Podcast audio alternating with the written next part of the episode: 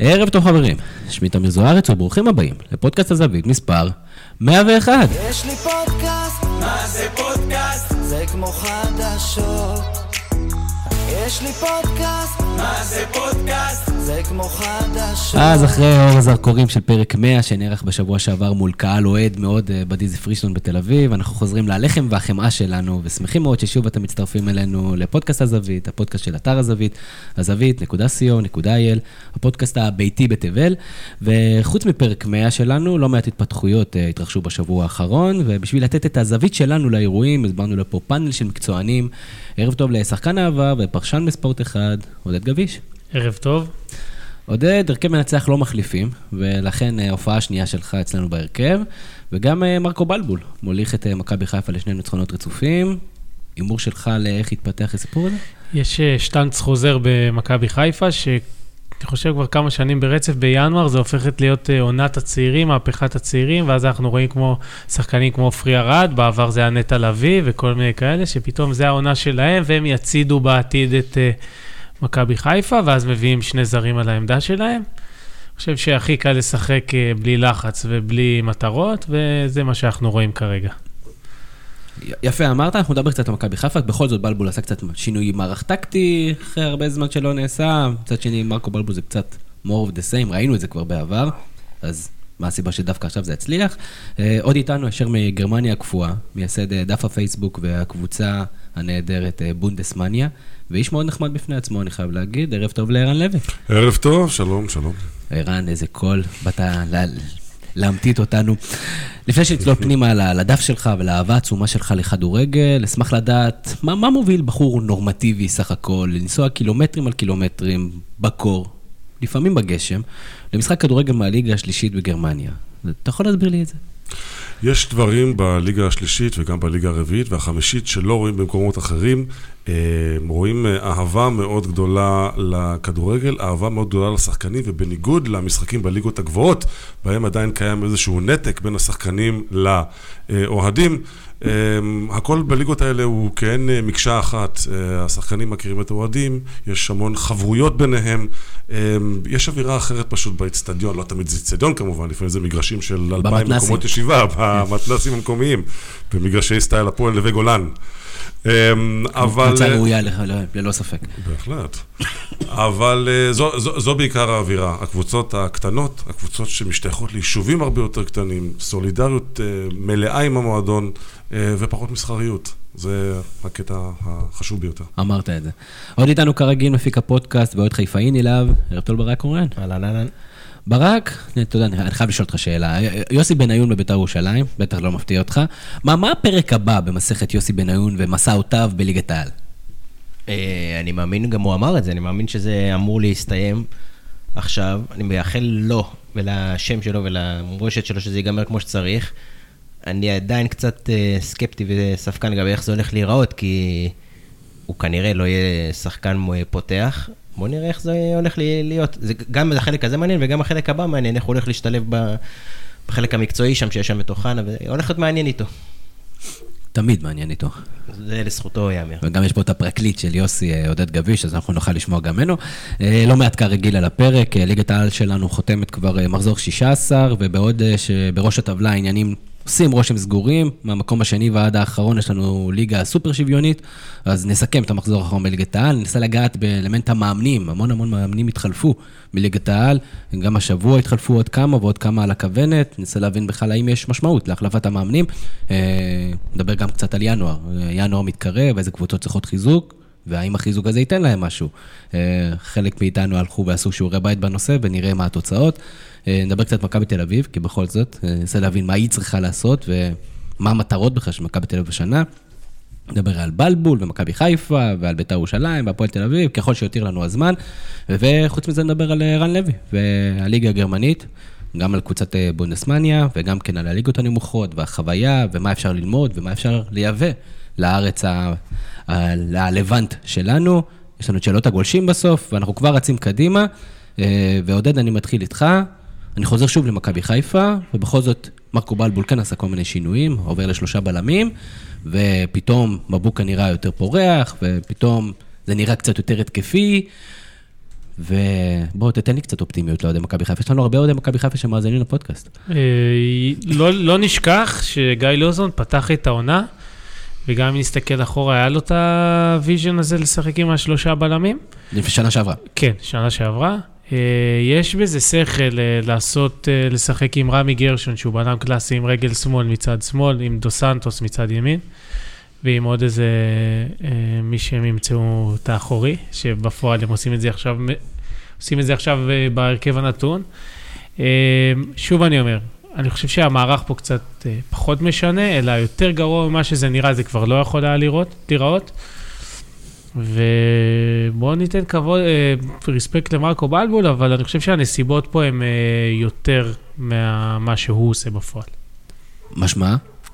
משמע, אה, שלושה משחקים שאתה ככה יכול לבוא וב, ו, ולא מצפים ממך הכי לנצח, או יותר מדי.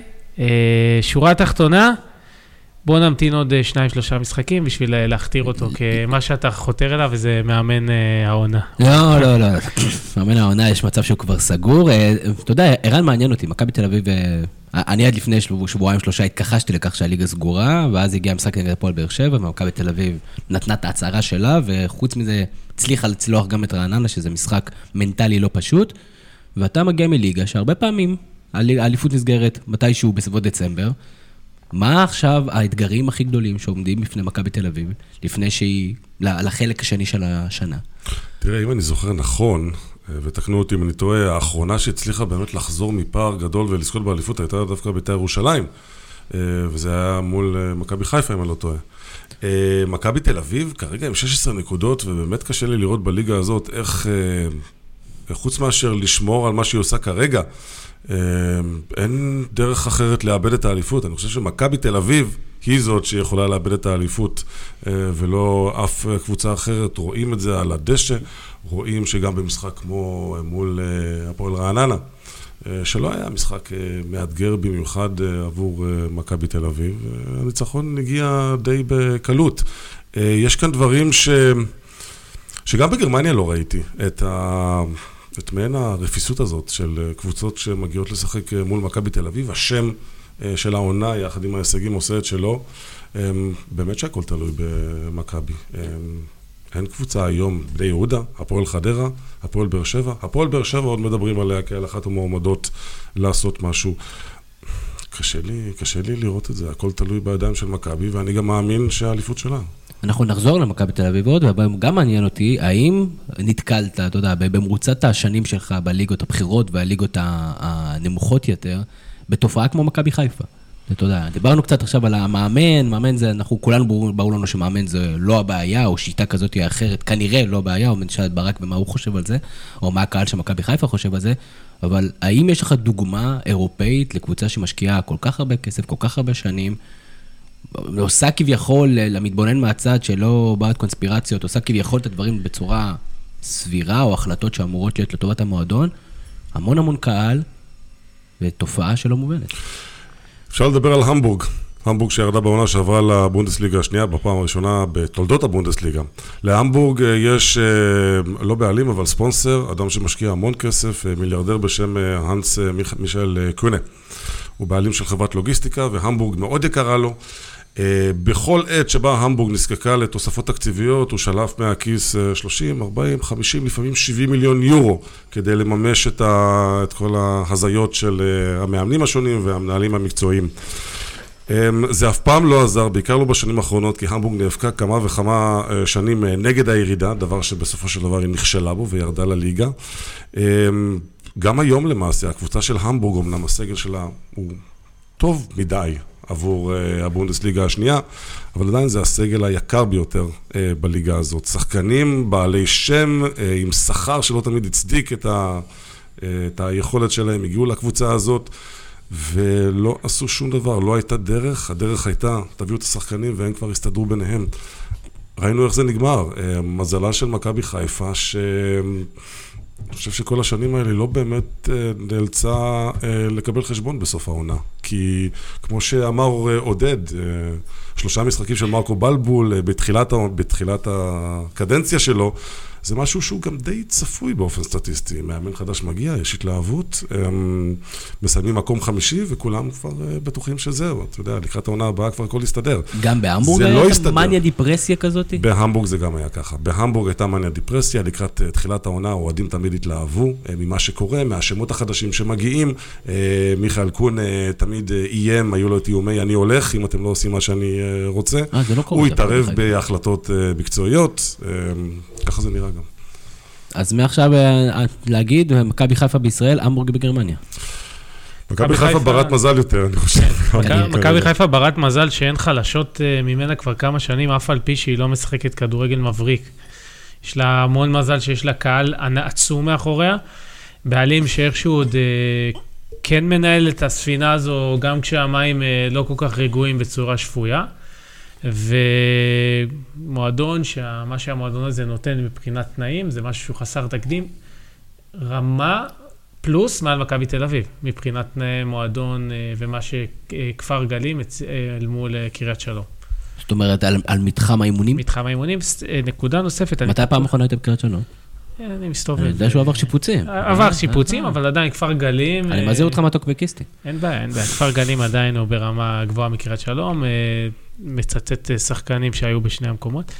ליגה גרמנית השלישית. במקום האחרון בראונשוויג, שהייתה בבונדסליגה הראשונה לפני, ב-2014 ירדה מהבונדסליגה הראשונה. שזה לא רחוק כל כך, וקבוצות אה, כמו קייזר סלאוטן ומינכן 1860, שזה שמות אה, גדולים. כל שלוש השמות שהזכרת גם זכו באליפויות, שש אליפויות במצטבר אה, בין שלושתן, אליפויות בונדסליגה. אז, אז למכבי חיפה וגם להמבורג יש עוד לאן לרדת. אה, אז, אז יש לאן לרדת ברק, אבל שוב, אתה יודע, אנחנו מחפשים את זה כל שבוע, כל שבועיים, כל שלושה.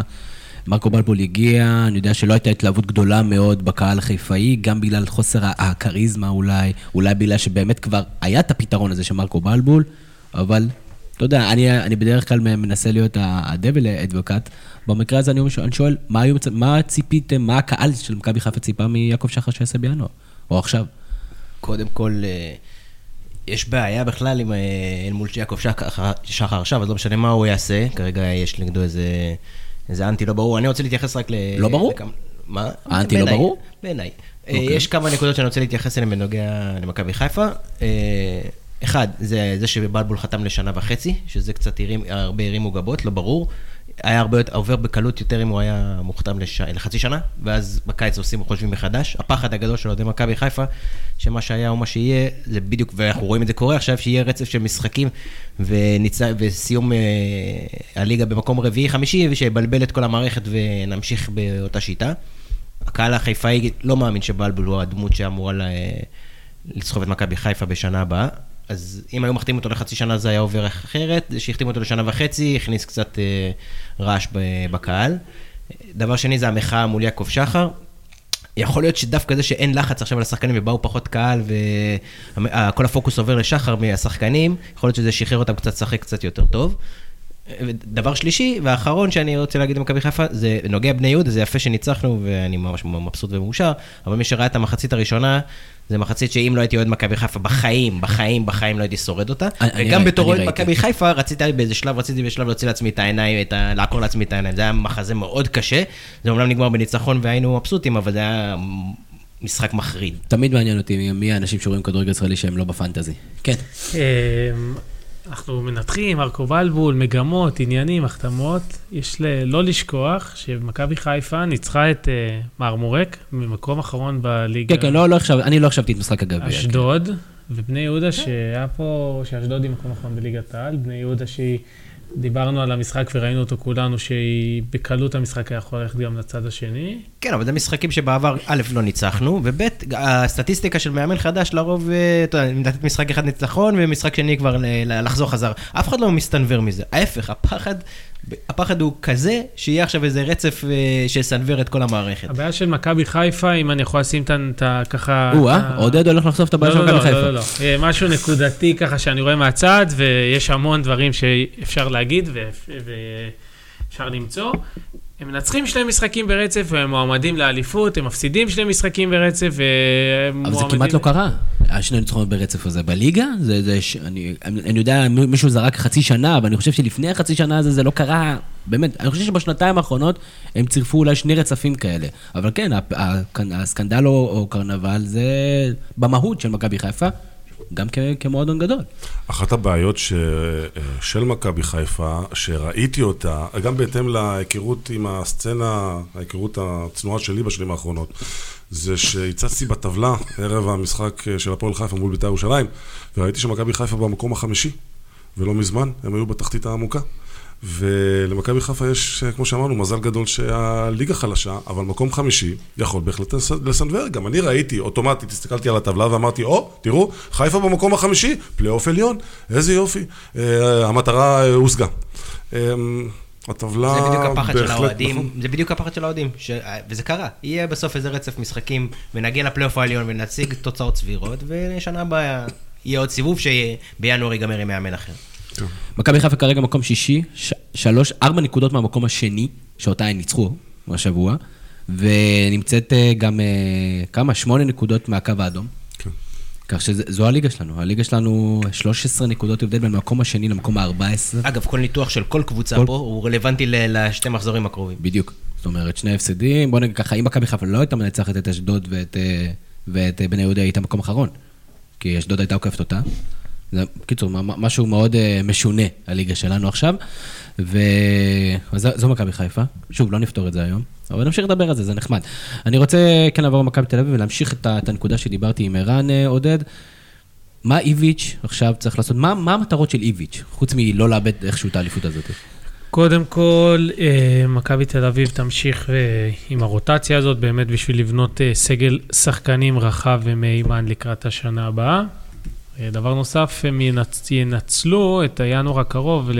אני מניח, להחתים עוד שחקן או שניים, שיורידו להם גם מהתקרה של ה- העברות של שנה הבאה, גם במכסות של שכר וכל מיני דברים כאלה של הפייר פליי, שזה יכול לעזור.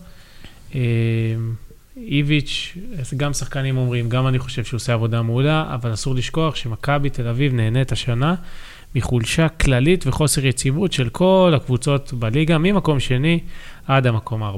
אבל זה לא צריך לעניין אותה. ממש לא, אבל אה, מצד שני, לפני שאנחנו מכתירים את איביץ' כמאמן הטוב ביותר בהיסטוריה של מכבי תל אביב, עם, uh, בהשוואה לגרסיה, לבוס, לסוזה סוזה. כמובן.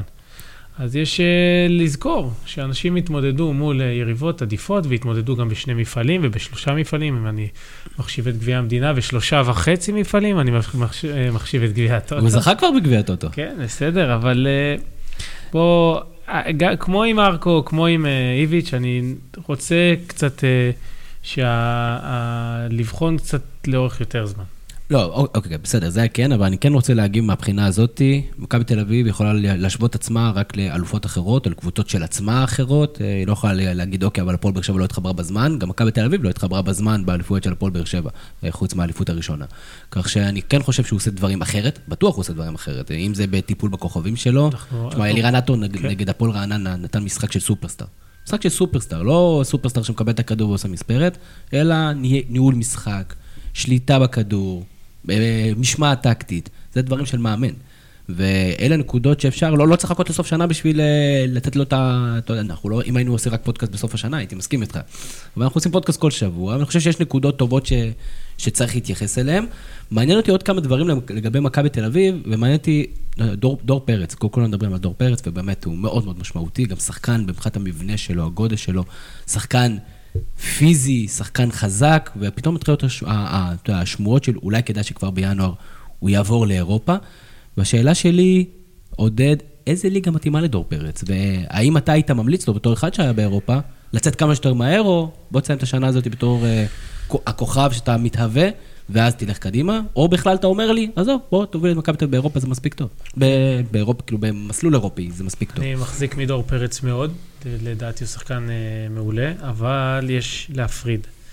אה, בסטנדרט הישראלי, כל, כל מי שמעט בולט בנתונים הפיזיים שלו ומלביש על זה עוד תכונה, כמו מהירות, בסוגריים ירדן שואה, כמו אה, טכניקה, אה, שחקנים אחרים, כמו אה, שילוב של אה, חוכמה וטכניקה ודברים כאלה כמו דור פרץ, אז בליגה שלנו הוא בולט.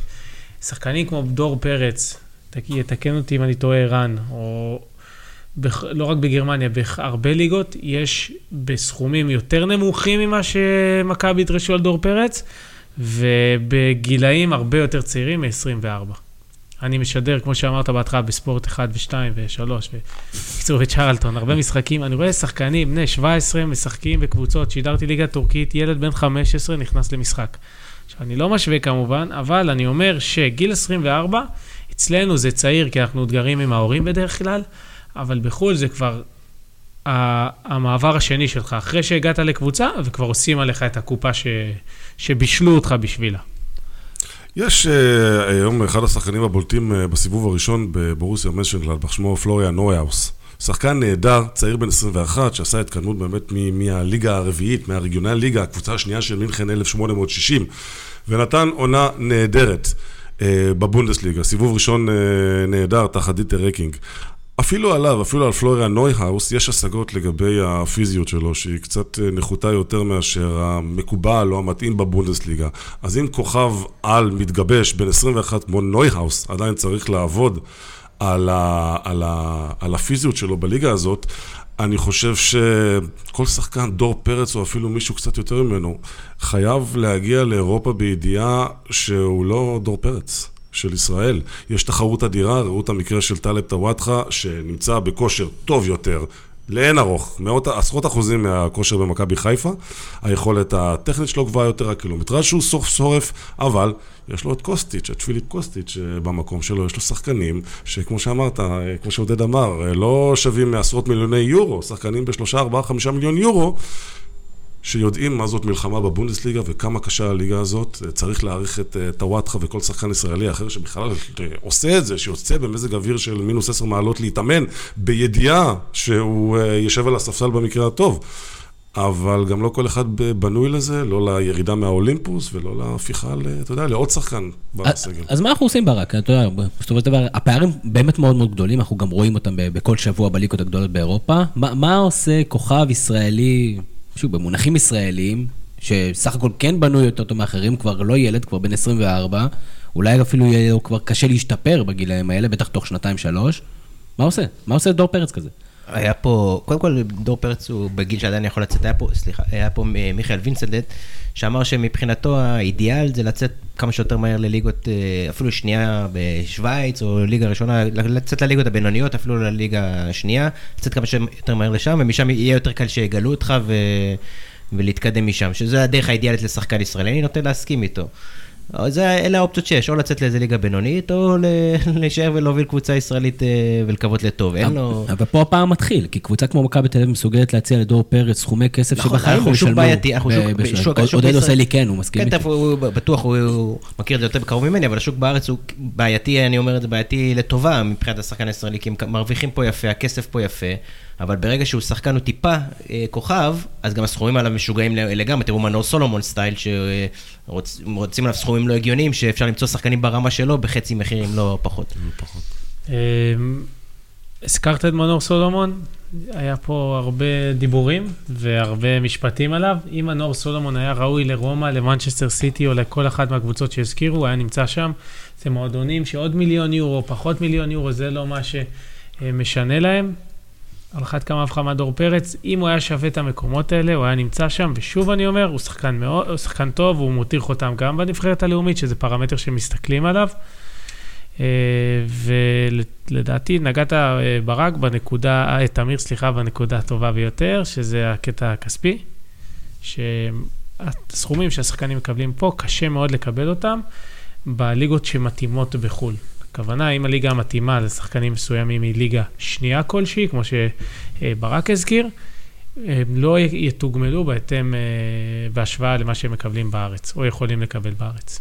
וזה אין ספק, חסם מאוד משמעותי, ומעניין לראות את אלי דסה כזה, ששוב, דווקא מבחינת הגודל שלו והכל, אני לא יודע כמה הוא מתאים, אולי יותר דומה באמת לטלב טוואטחה, מבחינת היכולות והמיקום המגרש, כמגן, ששורף את האגף, הם אה, מאוד מזכירים בסגנון המשחק אחד את השני, אני חושב שדסה קצת יותר טוב ברמה ההגנתית, מאיך שטוואטחה יצא לאירופה, אבל לא בטוח שעכשיו אה, הוא השיג שיפור, ויהיה מעניין לראות באמת אם אלי דסה, שדורש המון המון כסף בישראל, ושכנראה לא יקבל את החוזה הזה, האם הוא באמת ימצא. זה, זה תמיד אותה נקודה בסוף, מה אתה מעדיף, את ה... את ה... היתרון הכלכלי, למבסס את עצמך כלכלית או את הקריירה? יש אינסוף דוגמאות, למשל בכדורסל כספי, שלא הלך על הכסף, הלך על המקצועיות והלך לקבוצות פחות טובות ולהיות אחרון ברוטציה בשביל אה, להגשים את עצמו מקצועית, ויש דוגמאות אה, אחרות שלא נציין את שמונה. זה נכון. אה, עוד כמה נקודות שאני רוצה לדבר קצת על ליגת העל לפני שנרוץ קדימה. אני רוצה קצת לדבר על, על מאמנים.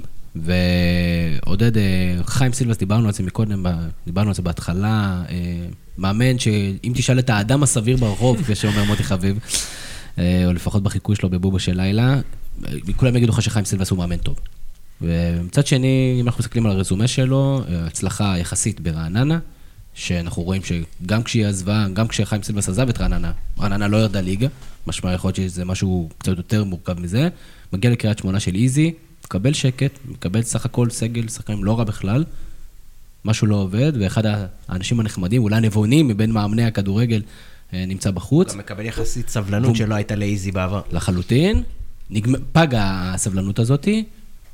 האם, שוב, חיים סילבס אחד שברעננה היה לו את השיטת אה, שלושת הבלמים שלו, היה לו איזה טביעת, טביעת אצבע מסוימת שיכולים להגיד, ושוב, האם דין חיים סילבס כדין כל אחד מהמאמנים האחרים, נכנס פתאום לעוד- לאותו קרטל של מאמנים שעכשיו התחלפו בין קבוצות, מה ההשפעה של מאמנים בישראל? אז אה, הרשה לי להקדים ולומר שכמו שדיברנו על המלכוד שיש לשחקנים, מה עדיף, אה, לשחק בליגות מסוימות ולקבל פחות, או לשחק בליגה פה לצורך העניין ולקבל יותר, גם למאמנים יש סוג מסוים של אה, מלכוד, והוא העובדה שהם יכולים להגיע, הם יכולים לקבל משרות ולהרוויח את המשכורת שלהם, אבל, ובכוונה אני אומר את זה פה בקריית שמונה, אבל מעורבים להם בהחלטות.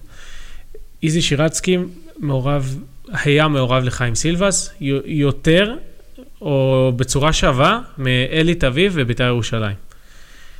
לאו דווקא בחילופים במהלך משחק ואוזניות ועניינים כאלה. שחקנים שאיזי רצה שישחקו, שיחקו. אחד הציטוטים הבעייתיים ביותר שאיזי אמר לאחר הפיטורים, שאם הוא יכול היה, הוא היה מפטר את עצמו, אבל הוא לא יכול, אז הוא מפטר את חיים. שזה משהו שחייבים לתת את הדעת, ולכן בוא, בוא תן עליו את הדעת, עודד. לפטר, אה, למדוד את חיים סילבס שהתערבו לו בהר- בהרבה החלטות, לא יהיה נכון, כי אני חושב שחיים שווה הרבה יותר מהמקום שקריית שמונה נמצאת בו היום. אבל שנה וחצי הוא עשה את זה.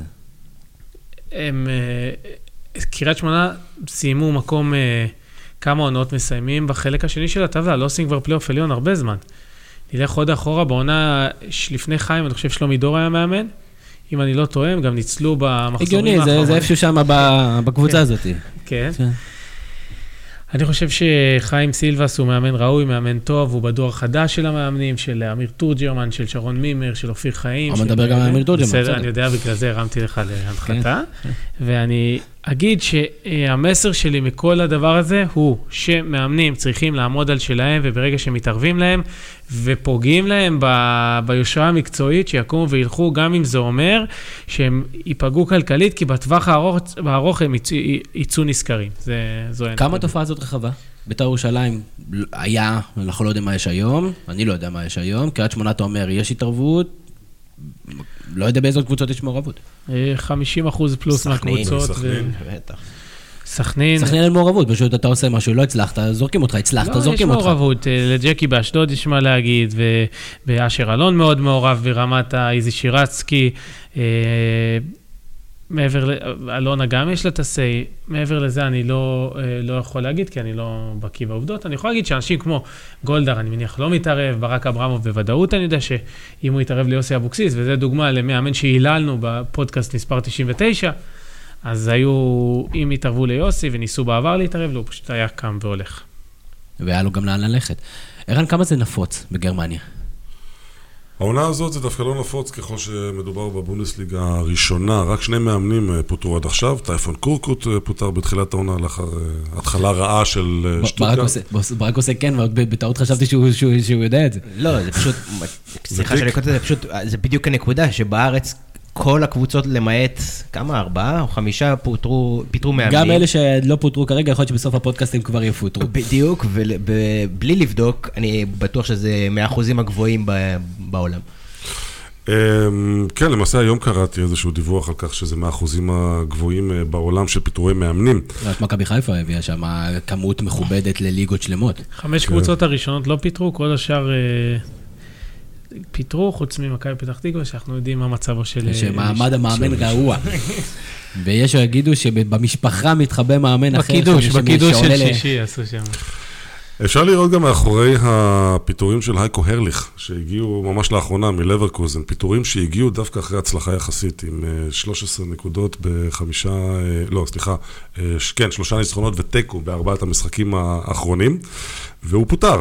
הוא פוטר מכיוון שבבייר לברקוזן לא היו מרוצים מהדרך שבה הוא הוביל את הקבוצה, מהעובדה שיש שם שחקנים עם שמות עולמיים, יוליאן ברנט, ליאון ביילי, אה, אה, פאוליניו שהגיע גם כן, שלא מצליחים אה, להתגבש לדרך אחת. וההבאה של פטר בוס אה, אה, הגיעה דווקא לפני פגרת החורף, כדי שיהיה לו מספיק זמן כדי ליישם את ה- את ה- את זאת אומרת, התיאוריה גם שלו. כשמפטרים, זה בגלל דרך ולא בגלל אה, תוצאות רגעיות וגחמות. גם בבייר לברקוזן יש את הגחמות, יש אה, קבוצות, אינגולשטאט, אינגולשטאט מהבונדסליגה השנייה מעסיקה כבר מאמן שלישי היום, את יאנס קלר, אם לא סופרים את המאמן הזמני, שהיה לא המאמן הרביעי. אני לא ספרתי את המאמן. הזמני. אני שלושה מאמנים. אני בטוח שלא המצאנו את זה, אני באמת בטוח, וזה סוג של מצוטט את אורי אוזן שמוביל את הדבר הזה בתקשורת גם לא מעט, שזה בשום צורה לא הפתרון. אני גם, זה בטוח שמעשית אפשר להוכיח את זה שזה לא הפתרון.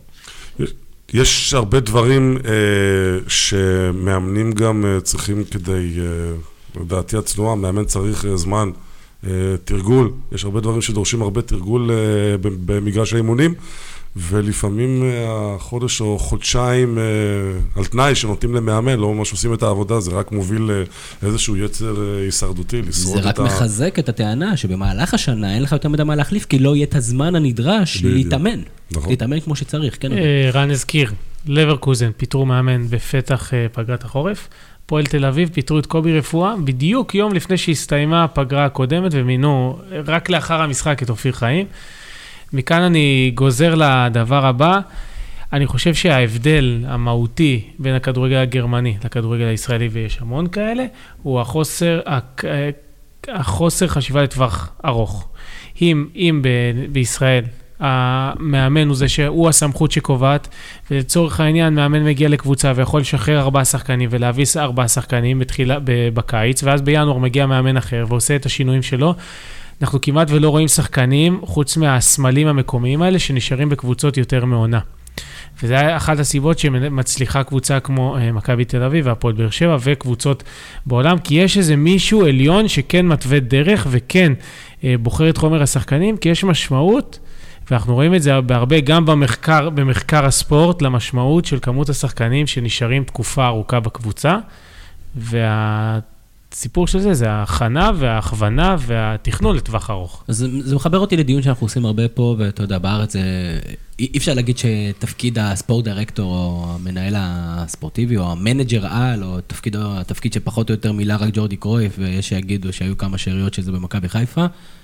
באירופה זה הרבה יותר פופולרי, זה גם כן אולי מקטין את הפער כשמתחלף מאמן, כי בכל זאת המערכת נשארת, ועכשיו אין גחמות של להביא שחקן ולהוריד שחקן. מומלץ, לא מומלץ, תופס, מוכח כמוצלח בכלל? נדיר מאוד uh, לשמוע על uh, פיטורים של uh, מנהל מקצועי של מנג'ר באיזושהי uh, קבוצה. המנג'רים מגיעים כדי ליישם את פילוסופיית המשחק של המועדון. הם מגיעים עם איזושהי פילוסופיה כדי להטמיע אותה, ונותנים להם את החופש לעשות את זה, גם בעקבות, גם לאחר uh, כישלונות, מכיוון שהכישלונות הממוקדים הם לא מראה העונה כולה או העונות הבאות. יש DNA למועדונים בגרמניה, DNA שמוטמע בו במשך עשרות שנים. קבוצות הרי הוקמו uh, עוד לפני תחילת המאה ה-20. Uh, זה ה-DNA שמוטמע, אפשר לראות את זה גם בברוסיה דורטמוס, שסוף סוף ה-DNA הזה מתחיל לעלות uh, אל מעל לפני המים ו- ולהוציא את הראש החוצה. וזה נעשה בין היתר בזכות uh, מתיאס, מתיאס זמר. כי למשל בברוסיה דורטמונד נותנים קרדיט עצום לשחקנים, למרקו רויס שמציג יכולת על השנה, לויצל שהוא רכש נהדר, אה, לסנצ'ו כמובן, השחקן הצעיר, וללוסיאן פאבר, שמנחיל נהדר את ה... את ה... את ה... שיטת את המשחק, את הגיגן, את. לא את הגיגן פרסינג, את קומפקט הייט, השיטה שבה הוא אה, משתמש על המגרש. אבל מתיאס זמר, הוא היה האיש שאסף את כולם והצליח לחבר ביניהם, והוא עשה את זה גם בביירן מינכן וגם בברוסיה דורטמונד. מנהל- מנהל מקצועי, זה- זה זה must בכל וזה. נהדר, כי מבחינתי ברק גם כן, יש DNA למועדונים גם בישראל. אבל זה אחת הביק- הביקורות שיש פה על הבחירת מאמנים, או הסיבה שיש פה פתאום שאין פילוסופיה ל- למועדון, וגם אם יש, קשה מאוד להתאים, לא נראה לפחות שמנסים להתאים את המאמן לפילוסופיה. למשל, בלבול, אגב, זו דוגמה טובה, כי לכאורה מכבי חיפה קבוצה התקפית ורוצה משחק תוסס, ואני לא זוכר את בלבול אה, דוגל במשחק תוסס. באחד הטורים שכתבתי, אמרתי, ה-DNA של מכבי חיפה, ולא לא יודע אם צחקו, כי סך הכל ההתייחסות לטור הייתה נכונה, הייתה שהפילוסופיית פילוסופיית המשחק של מכבי חיפה היא כפי שברצלונה. חייבת לשחק פנטזיונרי, חייבת לשלב השאלה אם שחקני עושים נוער. את ההתאמה הזאת, השאלה בוודאות לא עושים, אנחנו רואים שלא עושים. הרי מה דין, אה, איזה קשר אתה מצליח אה, לכרוך בין חמשת המאמנים האחרונים של מכבי חיפה? אין שום, שום קשר. זה לא רק חיפה, זה בכלל כל מועדון. למה... זה סתם דוגמה בגלל שהיו הרבה שינויים, ודווקא, אז זאת אומרת, ה-DNA פה הוא DNA של יובל- הבעלים למה של יובל. נעים הגיע לאשדוד? למה... לא יודע, כל מאמן אחר הגיע לקבוצה כלשהי. יש סיבה כלשהו פשוט היה בזמן הנכון במקום הנכון. אה, מה שערן אמר זה משהו שצריך לגזור אותו ולשלוח אותו לכל הבעלי קבוצות, אני מסכים איתך לחלוטין, נתת פה נקודות שהן פצצה. אני רוצה לתת איזה insight של הכדורגל. שני דברים, משהו שאני יודע משיחות שלי ככה עם אנשים שלאו דווקא קשורים לכדורגל בישראל, ההסמכה של מנהל מקצועי באירופה זה תואר אקדמי, אקדמאי. זה, ההסמכה של מאמן היא שונה. זה מקצוע בפני עצמו, אה, זה דבר ראשון. דבר שני, בכדורגל הישראלי יש אה, מנטרה קבועה, להשקיע כמה שפחות ולנסות להשיג כמה שיותר. זה מוחלט. אה, בעלי קבוצות לא ישלמו שתי משכורות גדולות למאמנים, אה, כי ברגע הראשון שהמאמן מזגזג, המנהל המקצועי יורד למטה, וסטו. מסכים, וגם סטו, יעזוב את הליגה שלנו בקרוב, פה בבאר שבע. אה, אחלה דיון, יופי של דיון. אה, מה מעניין אותנו עוד בליגת העל? חלון העברות של ינואר. ואתם יודעים, כמו, כמו חילופי מאמן, שאנשים אומרים, אוקיי, עכשיו החלפנו את המאמן, מעכשיו יהיה טוב, אז בבלבול פחות איזה, אבל אני שמעתי את הקולות אחרי גוטמן, והקולות היו שמחים ומרוננים, או יובל נעים, שבטח איזה שינוי הוא יעשה ממילבסקי, אבל uh, יש גם ככמיהה לחלון העברות של ינואר, יכול להיות שזה דרך אגב כמיהה שמתוחזקת על ידי סוכנים, אבל לא רק, גם על ידי אוהדים. ואתה יודע, אנחנו חלון העברות של ינואר, כל מדברים עליו, ניסינו ללקט, ניסינו, קפ- הקפצנו את זה בקבוצת הבלוגרים שלנו, ניסינו להבין מה הם אותם שחקנים שזוכרים בכלל שהגיעו בינואר. ו... אה, זה, נ- אפילו פתחנו לא רק זרים, בכלל הבאות מחוץ לליגה. מי, מי הצליח להביא בינואר משהו שישדרג מחוץ לליגה? אה, לא שמתוך הליגה היו כאלה שינויים קריטיים, היה חנן ממן, אני זוכר פחות או יותר. אז אה, המספרים שהגיעו, כן, ברק? לשמות, קודם כל, כמובן, כולם קופצים אה, ערן זהבי פריצה, זה הדוגמה הקלאסית, אגב, שמתחזקת את כל, ה... את כל הדיון הזה ואת כל החלומות האלה, אבל קפצו שמות, תסתכלו כמה אחורה, יבוע, מקרייב, סולארי, פריצה, סליחי, מק... אה, אה, רודריגו גולדברג, שחקנים ש... ש- גולדברג הגיע בקיץ בכלל, ואז אחרי זה חזר למכבי ב- באיזה ינואר. היה מאוד קשה, עשינו דיון, אשכרה חיפשנו וחיפשנו, אה, את ה- את הזרים של הפועל תל אביב שבאו... טופוזקוב. כן, כן, כן, תבינו את זה, עד כמה מאוחר זה עוד לפני עידן אה, הבעלים המתחלף. כמה אין שום התכנות לדבר הזה של להביא זר בינואר מבחוץ, שישפיע על הקבוצה בצורה משמעותית, אבל זה לא גורם לכל קבוצה בליגה לעשות את זה שוב ושוב ושוב ושוב ושוב. ולא רק זה, גם המאמנים, המאמנים כל הזמן אומרים, אני מקווה שנביא שניים, שלושה שחקנים בינואר, וכאילו, ואז מה יקרה? ואז מה יקרה? כאילו, פתאום הכל ישתנה? גם הפרמייר ליג עודד, גם כן יש אה, השגות כלפי הדבר הזה. אז אה, ככה, כהכנה לפרק, אה, בדקתי את העניין, מצאתי מחקר שטוען שבעשר שנים האחרונות, הקבוצות שעשו את החיזוק הגדול ביותר במהלך חודש ינואר, מבחינת כסף. כסף, עלה קצב צבירת הנקודות שלהם בצורה משמעותית, ככה ש... שיש לך את האמצעים ופול השחקנים הוא כל כך גדול, אתה יכול לעשות את השינוי הדרוש. עכשיו, בפריזמה שלנו, של ישראל, השחקנים שיבואו לישראל בינואר, זה או שחקנים כמו ולסקיס שסיימו ליגות בתאילנד וכו', שהם או ב, אה, בסקנדינביה וכאלה שהם מגיעים אחרי עונה, אה, ובאים אה, לס, לס, לסיים, לעשות את אה, השליש השלישי של העונה שלהם עד מאי, ובמאי להצטרף לאיזה קבוצה אחרת. או שחקנים שלא מצאו את מקומם וייקח להם זמן לחזור לכושר. אנחנו רואים הרבה קבוצות בתחתית שמשוות אה, לשחקני חיזוק. אני חושב שדווקא החיזוק הנכון יהיה לחפש אה, שחקנים מתוך הליגה, גם אם זה זרים שכרגע לא משחקים כמו קלאודימיר, בדרך שאנחנו שומעים שגם הפועל תל אביב וגם אשדוד רוצים אותו, או שחקנים כאלה נכנ... נקלעו למצבי קלעים כאלה בכל מיני מקומות, ולדעתי זה יהיה החיזוק הנכון של הקבוצות. בהחלט, דרך אגב, רק מילה אחת על, על מה שאמרת לגבי הפרמייר ליג, אז הדוגמה הכי זכורה, ואולי ה game changer המשמעותי ביותר של השנה וחצי האחרונות בליגה האנגלית, של השנה ב- בליגה באנגלית זה כמובן ונדייק, שעבר אה, לליברפול בינואר, אחרי שקוטיניו עזב, אבל גם כן שם, הרכש הוא הרבה יותר ספציפי, בגלל שאתה לא תביא לקבוצה גדולה, שחקן שלא יכול לשחק איתך בליגת האלופות, זאת אומרת, הרכש הוא לאו דווקא כוכבים, ויכול להיות שבזה עוזר. בדרך כלל ההעברות שנעשות, ההעברות הגדולות באירופה, וראינו את זה גם, אה, אה, אנחנו רואים את זה גם עכשיו, זה בדרך כלל השחקנים שמסיימים את החוזה בקיץ, ורוצים לגזור עליהם איזשהו קופון של הסוף. שנייה לפני שנגמר לו הכסף. זה כמו שאתה אומר, זה משחק של סוכנים. זה פשוט משחק של סוכנים, זה מפומפם על ידי סוכנים. אה, כולם מבסוטים, אגב, אה, אתרי הספורט מבסוטים, כן. מקבלים פידבקים, העיתונאים מבסוטים, כולם הפי מהדבר הזה. חוץ מהקבוצה שזה לא מועיל אה, להם בשום דבר, אולי...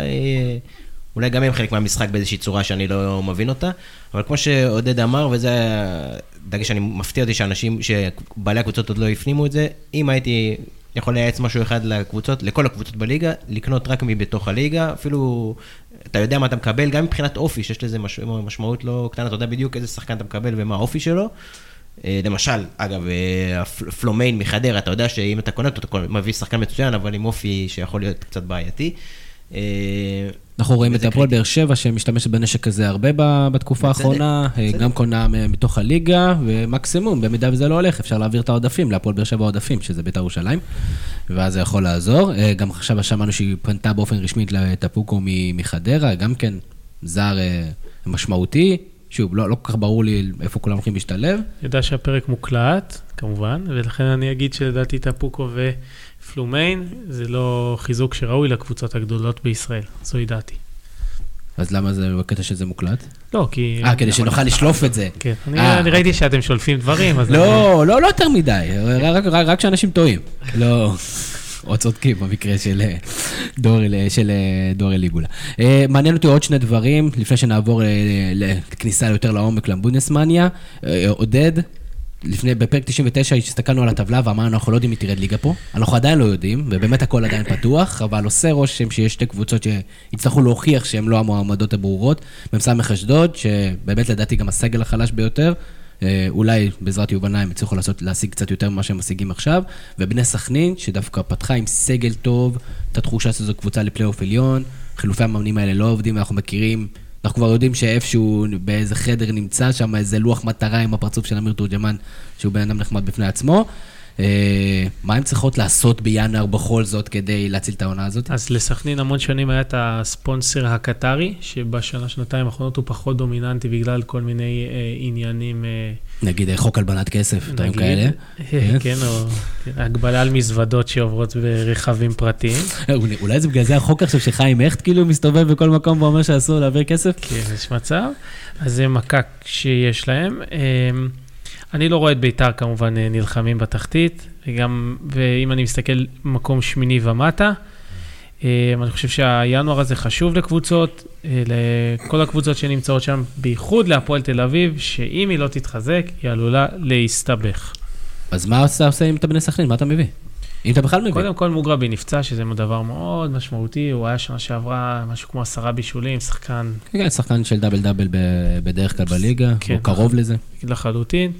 אמ, אני חושב שבכל זאת, למשוך שחקנים שמשחקים בקבוצות אחרות, הם לא יכולים, אבל אה, אולי כן לתת פה איזה, בכל זאת איזה מכה עם איזה, איזה זר ששיחק פה כבר. הם מדברים כבר על הסכם עודפים עם מכבי חיפה, לקחת את ריינן למשל. כן, זה, ראינו את זה בעבר, זה דברים שיכולים uh, לעזור להם, שחקנים שמכירים את הליגה, כי להגיע לישראל בינואר לא קל, ר- חיפשנו, פשפשנו בארכיון, לא מצאנו שחקנים שהצליחו להביא. אולי ז'ורג'יניו יגיע מביתר כשיום אחד שהוא יהיה בריא. הוא עדיין תלוי באיזה מדף, אבל uh, להביא שחקנים שנמצאים פה, פחות משחקים במקומות אחרים, וזה זה הכיוון. ברק, נחתום את החלק הזה של, של ליגת העל ו- ו- וינואר.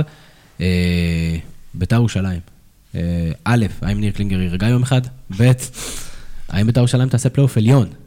אני, באמת אני לא מבין, אני שומע את כל הסביבה סביבי, כולל אני פה לא סתם בשולחן, שואל אותך, אני. לא סתם שואל אותך.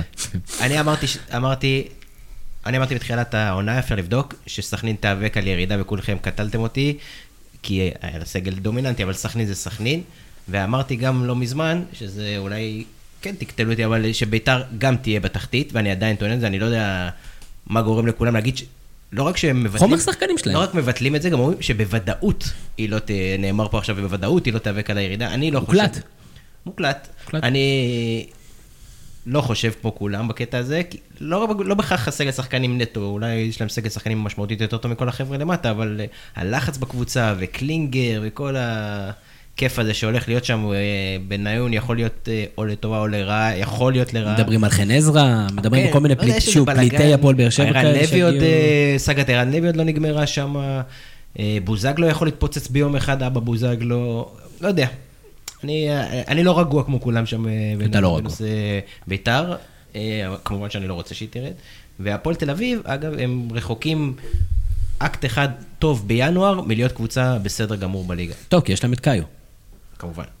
כמה כבר שער ובישול. הוא על ו- תקן האקס חיפאי. האקס חיפאי המצליח, הוא עדיין לא מצליח, אבל הוא יחסית למספר השערים של הפועל תל אביב. טוב, בוא נרוץ לגרמניה, אתה רצית עוד להגיד משהו עודד? אה, רציתי להגיד שהעיקרה לליבי, מכבי פתח תקווה עושה קולות של אה, קבוצה שגם היא עלולה להסתבך, אני אמרתי עליה מקום שלישי. אז אולי, אה, שלישי מהסוף. אה, יש לי שאלה פה מי תסיים מקום שני? עכשיו, ב- שוב, עוד שבוע הכל ישתנה, אבל נגיד, מי, מי לדעתכם תסיים מקום עדיין? הפועל באר שבע. בעיניי עדיין הפועל באר שבע. גם בעיניי הפועל באר שבע. אשדוד, סתם, באר שבע. באמת? אני... אתה צודק ש- לא שחסר רואה להם קצת, שהם הרבה פחות טובים מהווייב, והרבה פחות טובים מסך השחקנים שלהם. אתה צודק לחלוטין, והחילופים שיהיו חילופים בינואר, ולדעתי הם גם יהיו מסיביים, מתוך איזו תפיסה מסוימת, או חוסר הכנסות, או אלוהים יודע מה. אתה צודק, אני פשוט לא כל כך רואה מי... זו עונה קלאסית, כמו שהייתה, היו כל עונות כאלה בעבר, שמכבי נתניה תשתחל למעלה, בני יהודה תשתחל למעלה, מקום שני, זה עונה קלאסית לתפוס. אני חושב שהיכולת של הפועל באר שבע נמצאת באיזה גרף של עלייה מסוים. אני לא רואה את זה.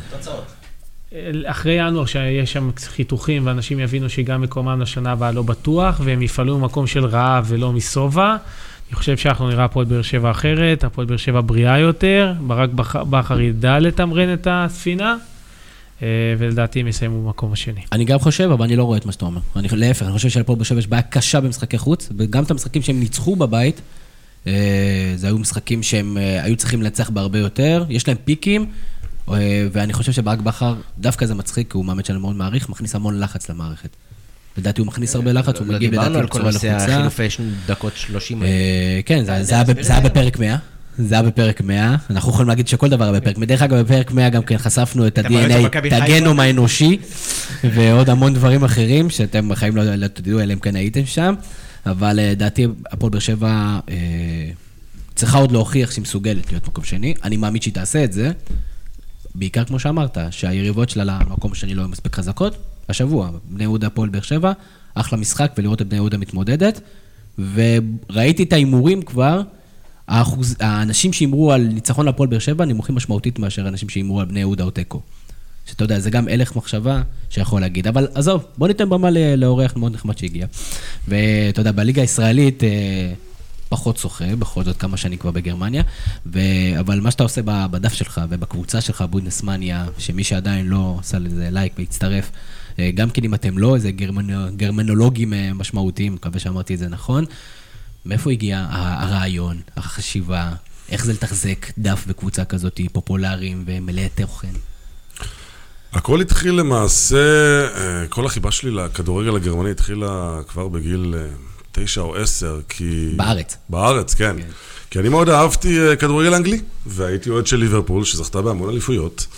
אה, פיל ניל וקני דלגליש, וכמובן קווין קיגן. אפשר עכשיו להבין את הגיל שלך. אפשר, כן. בשנות ה-80 הייתי נער, אז אני לא כל כך מבוגר. אמ, כשקווין קיגן עבר להמבורג גיליתי את הליגה הגרמנית והתחלתי להתעניין בה. לא ידעתי בכלל על שקיימת ליגה גרמנית. התחלתי להתעניין בה באופן קצת יותר אינטנסיבי, ככל שילד בן עשר יכול, עם התקשורת המועטה שהייתה באותם שנים. זה משהו שנשאר אצלי כל אותן שנים. כשהגעתי לגרמניה, עברתי לגרמניה, לא עברתי בגלל הכדורגל, אבל פתאום הכל מול העיניים, הכל חשוף. רציתי מאוד לשתף את הדברים האלה, בעיקר מפני שאני מגיע מישראל. בישראל, עד לאותו רגע הרגשתי שאין אה, מקור שמספק איזשהו מידע שהוא מעבר למובן מאליו של ביירן מינכן, בורוסיה דורטמונד, ולפעמים קצת שלקה, יש לקבוצות האלה מועדוני אוהדים מאוד פעילים בארץ. אבל עדיין היו המון דברים, המון אה, עניינים תרבותיים, עניינים של אה, אוהדים, אה, חגיגות של אוהדים עם קבוצות אחרות, קבוצות בליגות נמוכות יותר, שלא נחשפות בשום מקום אחר, חוץ מגרמניה וכמובן גם פריקים למיניהם במדינות אחרות. רציתי לחשוף את הדבר הזה, ודווקא לקוראים ישראלים, קוראים, קוראים בישראל שמדברים וקוראים עברית.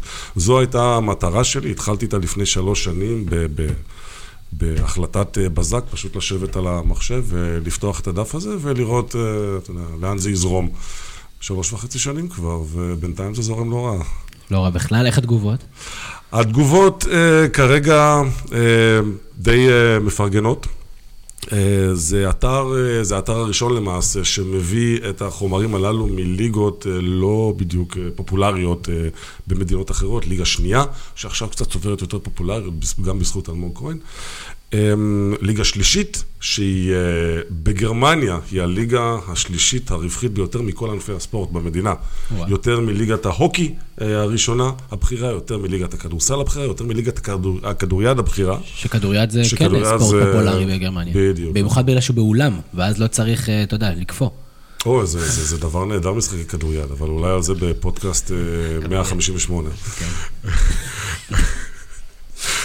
אמ, אז, אה, ויש גם אה, סצנה שלמה בכדורגל החובבני, שלי יוצא לא פעם לצפות במשחקים בכדורגל, בליגה הרביעית למשל, שהיא סמי מקצוענית, חצי מקצוענית, ואני נדהם לראות שם אה, משחקים ש...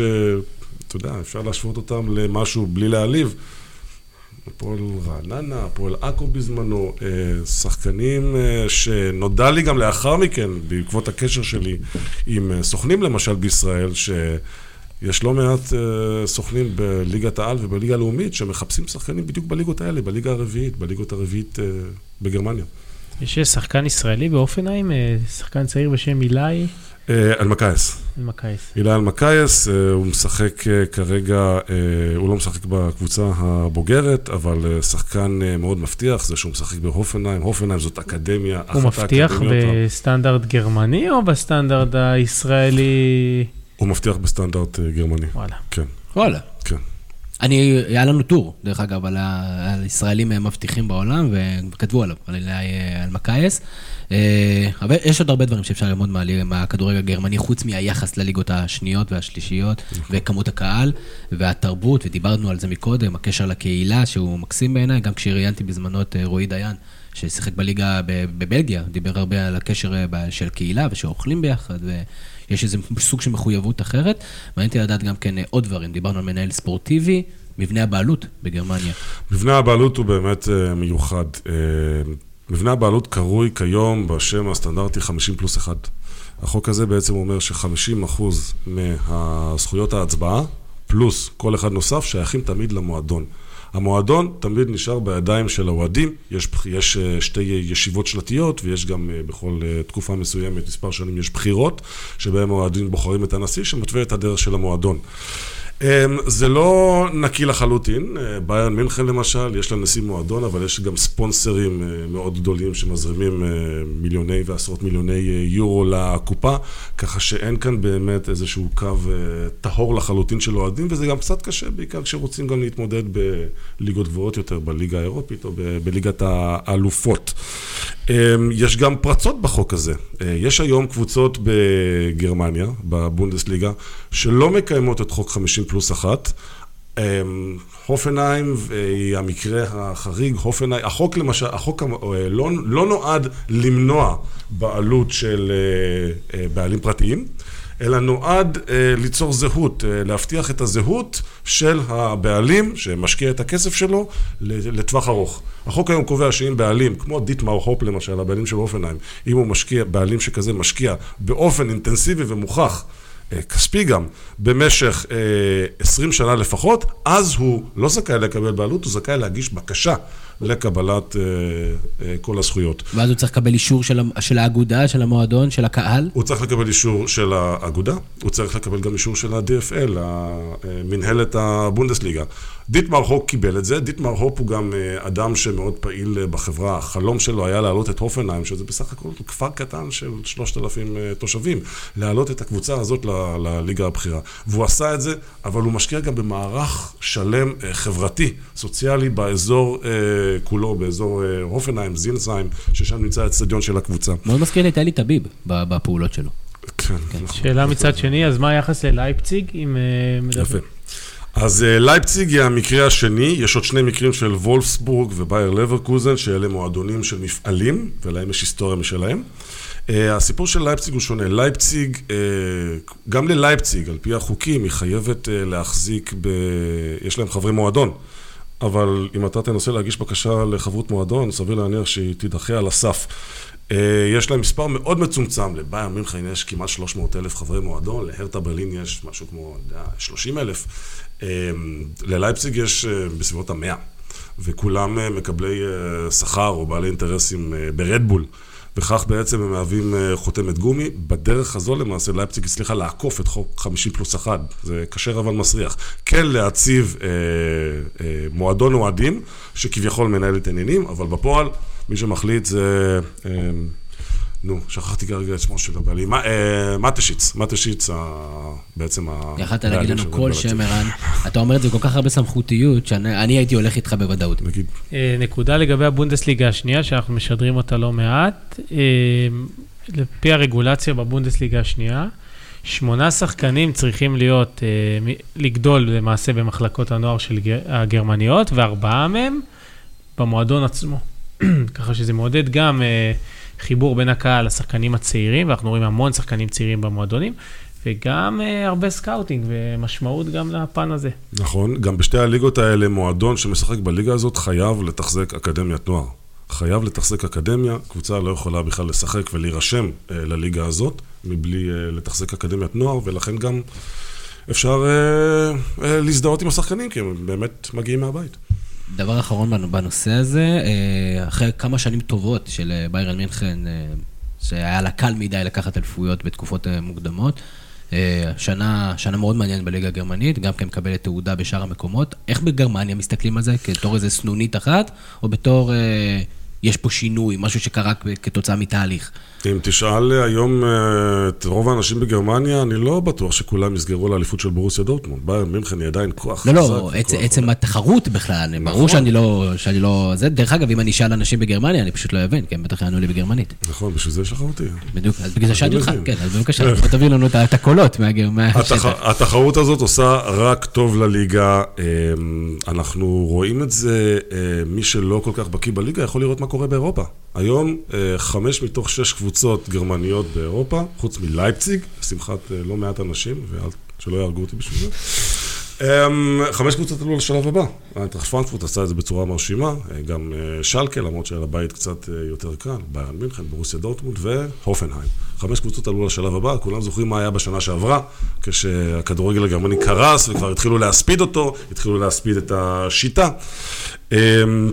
המאבק הזה עשה רק טוב, לא לשכוח שלא רק ביירן מינכן ובורוסיה דורטמונד מעורבות, מעורבות במאבק, יש לנו גם את בורוסיה מנשנגלדבך, וזה כבר הופך למאבק של שלוש קבוצות, כאשר מלמטה עדיין יש כמה שמזנבות. זה בעצם סוג של מציל את הליגה, כי הפחד, אני מניח, הכי גדול גם של האוהדים וגם שלנו כצופים, שזה יהפוך לליגה הצרפתית, שזה קבוצה ש... ליגה של קבוצה אחת, שזה מה שהיה בשנים האחרונות.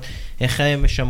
איך יוצאים מהמצב הזה, שזה לא ליגה של קבוצה אחת, שמשחקת לבד ואין תחרותיות, ושחקנים בעצם לא רוצים לשחק שם. אין מה לעשות, כל השנים הללו אה, תמיד הייתה חשיבות רבה, בין אם הייתה טובה ובין אם לא, לבורוסיה דורטמונד. בורוסיה דורטמונד היא מועדון העל השני אה, כיום אה, שמשחק בגרמניה, כשבורוסיה דורטמונד לא הייתה במאבק. הייתה אומנם את לייפציג לתקופה קצרה, לעונה אחת, אבל זה, היא די אה, התאזנה וחזרה למקומה הדי טבעי בשלוש שנים שהיא בבונדסליגה. זאת אומרת, זה הברומטר למעשה. בשנה שדורטמונד חזקה, הליגה תחרותית הרבה יותר, במידה ולא, אז זה רק עושה קולות של, של תחרות. אה, לא הייתה תחרות בשש השנים האחרונות, אנחנו ממש התמקדנו בגרמניה, האוהדים התמקדו אה, בקבוצות, במקומות אה, לצ'מפיונס ליג, ובתחתית שהייתה מרתקת אה, בפני עצמה. אה, כמובן, אה, בורוסיה דורטמונד וביירן מינכן הם שתי קבוצות הכרחיות. דווקא העונה, אנחנו רואים שהרכש המוצלח יותר הגיע לבורוסיה דורטמונד ולא לביירן מינכן. אמ, שוב, אני לא רוצה להגיד שביירן מינכן מסתכלת על הליגה, אמרנו, מכבי תל אביב לא צריכה להסתכל על ליגת העל אה, כדי אה, לבחון את, את, את עצמה. אבל אה, ביירן מינכן, אה, כן, היא באיזשהו שלב של אה, חילופי דורות, והיא קצת נתקעה. היום הקבוצה שלה היא הקבוצה המבוגרת ביותר בליגה, גיל ממוצע, כמעט 27. אבל אם תוציא את רובן, זה, זה פחות או יותר אותו דבר. אם תוציא. יש לי שאלה לגבי שחקנים אסיאתיים, אנחנו רואים הרבה מאוד בשתי הליגות הראשונות. אז השאלה שלי, האם זה טריק שיווקי, או שבאמת, אני יודע שיש את היוצאים מן הכלל, או, או באמת כל השחקנים מתאימים לרמה המקצועית. עלו תהיות לגבי הדבר הזה לא בעקבות השחקנים, אלא בעקבות שינוי שעות המשחקים בבונדסליגה. כי כיום, אה, בש- ב- בשתי העונות האחרונות, אה, יש משחקים אה, בודדים אמנם, שנערכים בשעה אחת בצהריים. זה לא קרה לפני כן, וזה די מותאם לשוק מאוד ספציפי. דרך אגב, לא רק בגרמניה. נכון, אבל בגרמניה זה יחסית חדש, בגרמניה התהליכים, גרמניה בדרך כלל הכל קורה לאט יותר, עד היום אפשר להזמין תפוח אדם המוקרם במסעדות בגרמניה, דבר שבקפוסקי כבר, אין קפוסקי, אני חושב. יש, קפוסקי חזרו. יפה, לא רע. אה, דרך אגב, זיפ, זיפ כבר לא, אה, לא- כבר לא, אי אפשר להשיג אבקת. זיפ. כן, חזר. אנחנו לא יודעים, האינטרנט שלנו מאוד איטי שם. אמ, איפה היינו? תזכיר לי. אמרת, שחקנים אסיאתיים, השחקנים האסייתים, נכון. אז אה, כמובן שיש ביקוש אה, עולה לבונדסליגה עצמה. השחקנים האסייתים שכן משחקים בליגה, אי אפשר להביא שחקן לבונדסליגה כדי שיהווה איזשהו אה, פעמון שמצלצל. חבר'ה, סינים, יפנים, בואו תראו, יש כאן אסייתי. זה לא עובד ככה, שחקנים... אה, רוב ישראלים. שחקנים יפנים שמשחקים בליגה הראשונה והשנייה זה שחקנים בעלי אה, אופי, הם מאוד, מאוד ממושמעים, הם מאוד uh, עושים את uh, מה שצריך, מה שמצפה מהם, יש? להם מוסר עבודה מאוד גבוה, וברגע שזה משתלב עם uh, כדורגל, יש, יש לך עם מה לעבוד פשוט. Uh, הם בהחלט מועילים, הם לא הכוכבים הגדולים. אבל לא כל אחד יכול להיות כוכב בבונדסליגה, ו- וגם טוב שכך. זה משהו שגם אני תמיד מנסה, כשאני מדבר על, על חדירה של שחקנים ישראלים לליגה, צריך אה, להבין מה המעמד, ושחקנים כאלה מבינים. מעולה. אה, שאלות הגולשים, יש לא מעט, ואני אנסה להפנות את השאלות, לחדד את השאלות לאנשים הנכונים.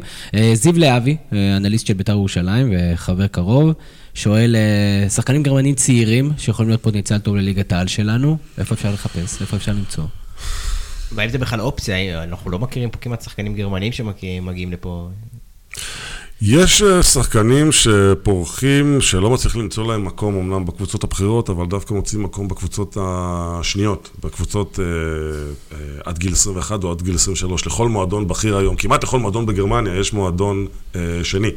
וולסבורג 2, אה, מינכן 1862. יש אה, שחקנים שגם אה, התחילו שם כחלק מהחימון שלהם, כאלה שהגיעו לבונדסליגה, אז אם משם אפשר להגיע לבונדסליגה, בהחלט אני רואה שחקנים כאלה מהליגה הרביעית, גם הליגה, לא, הליגה השלישית אולי זה קצת יותר קשה, אבל רגיונל ליגה היא מקור אה, אה, די אה, נדלה לשחקנים שכאלה. שאלה, אתה חושב שהתחנה הבאה אחרי הליגה הרביעית זה ישראל? כאילו, נראה לי שיש איזה 12 ליגות לפני שהם יחשבו לבוא אלינו, ומי שכן יבוא אלינו, אז אולי... אני לא המלצתי לאף אחד, אני רק פשוט מנסה להבין מאיזו ליגה שחקנים כן יבחרו בישראל כיעד. יש שם אה, פולין, צ'כיה, להיות- סלובקיה, סלו- כל מיני מדינות כאלה כסף. כן. אבל יש פה בדיוק, יש פה כסף. ידוע לי על שחקן מסוים שניסו להביא אותו לליג, מהליגה הרביעית, מקבוצה בברלין, ל- לקבוצה בצפון ישראל, להפועל עפולה. אמ, והוא היה אמור לקבל שכר הרבה יותר גבוה ממה שהוצע לו בוויקטוריה ברלין. כך שהשחקן עצמו לא חיפש אתגרים דווקא בפולין או בסלובקיה. ישראל היא גם אה, אתר לא מקום טבעי, אטרקטיבי אבל... יותר. לא מקום טבעי, אבל אתה אומר, בעבודת אה, אה, סוכנות טובה אפשר להביא שחקנים שגם ישפרו את הרמה הישראלית, וגם כן יטיבו עם השחקן הגרמני, בכל היה זאת, חלוץ אפילו חיפה, לא. שהגיע מליגה הגרמנית אה, היה את, אה, כן, אמ, נמוכה כלשהי. חלוץ. אה, חלוץ גבוה, אידריסו. כן, אבל הוא לא- ידרסו. אבל הוא לא גרמני, נו, באמת. ידרסו, זה אה. שחקן נבחרת קמרון, מאז עבר באיזה 12 קבוצות אחרות. אדרסו הוא גרמני באופי, הוא משחק אה, הרבה שנים בגר- בגרמניה, גם בשנים האחרונות הוא שיחק בליגה השביעית בגרמניה, זאת אומרת, הוא חזר למקורות.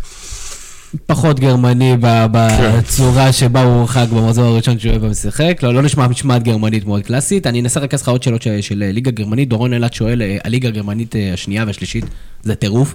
איך מביאים כל כך הרבה קהל לליגות נמוכות? איך עושים את זה? קודם כל המחירים, מחירי הכרטיסים הם מחירים שפויים. אה, גם בליגה הראשונה, השנייה והשלישית, הכרטיסים הם מחירים סבירים לחלוטין. אתה יכול לשבת במקום טוב בליגה השלישית, במשחק אה, צמרת בין הנזה רוסטוק ל... ל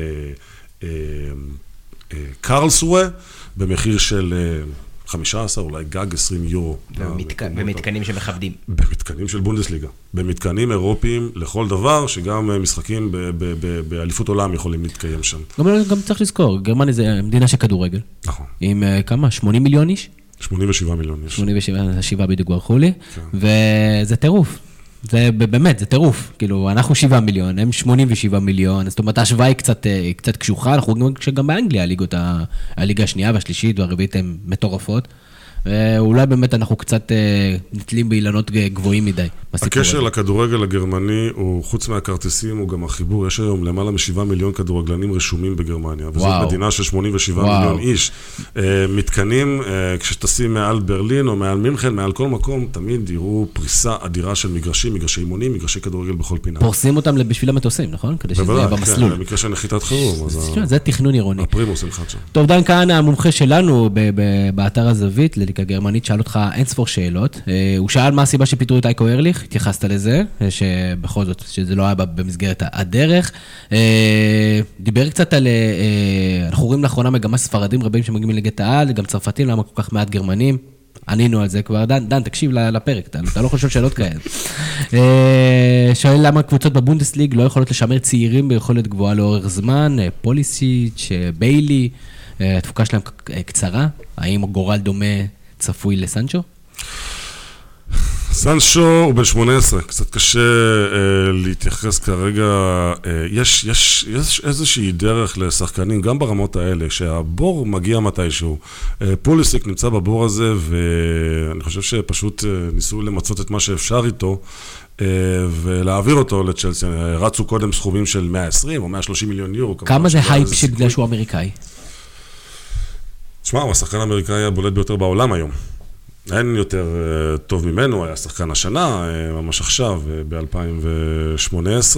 Um, הוא עד ולברון. כמה זה חשוב? ולברון. הוא הוא ולברון, כן. וג'ון לברון, וג'ון אפילו- איזנר. כן.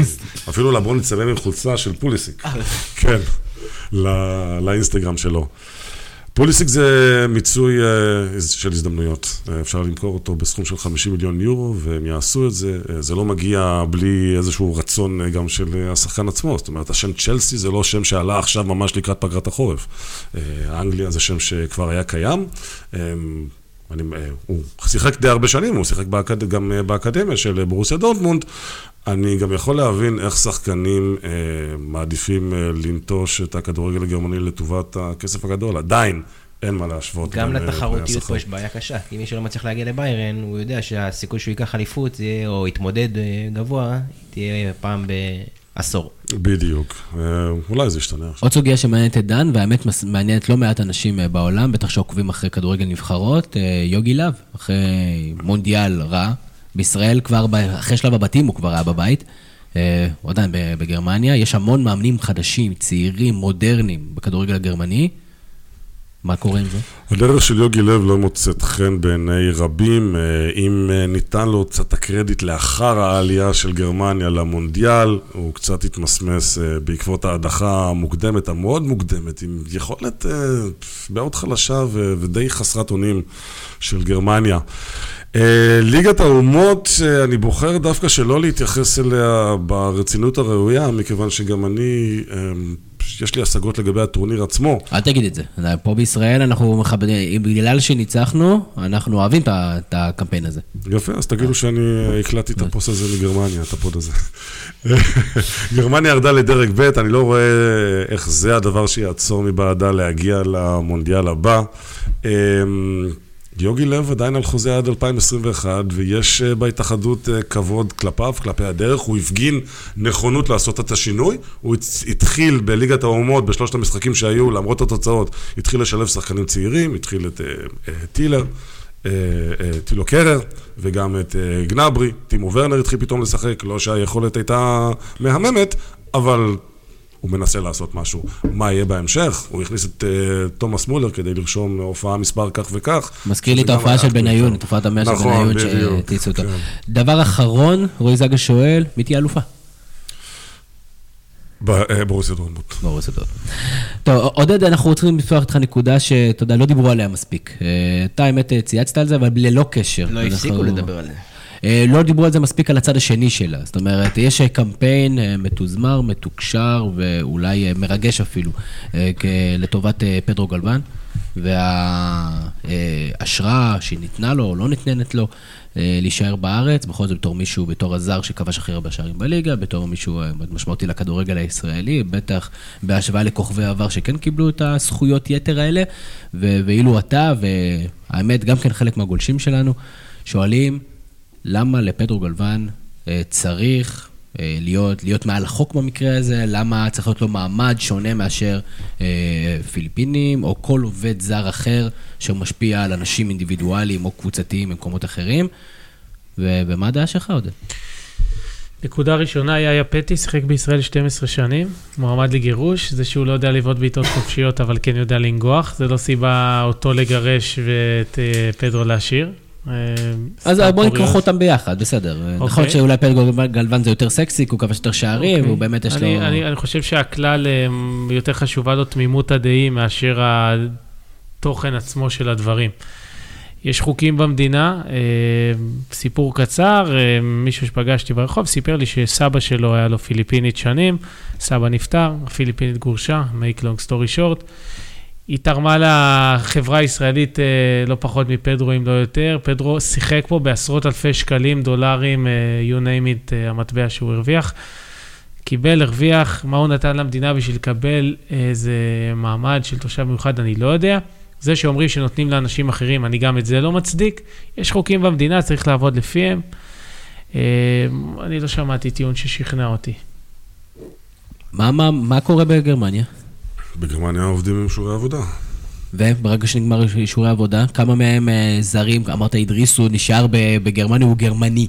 מה זה אומר? אידריסו הוא גם אזרח גרמניה, זה משהו אחר לגמרי. לדעתי. גם אתה נפגעת מעודד מאיזה חוק כזה שלא יכולת לעבור נכון בין קבוצות והיית צריך לחזור, יש חוקים, יש חוקים, יש רגולציה.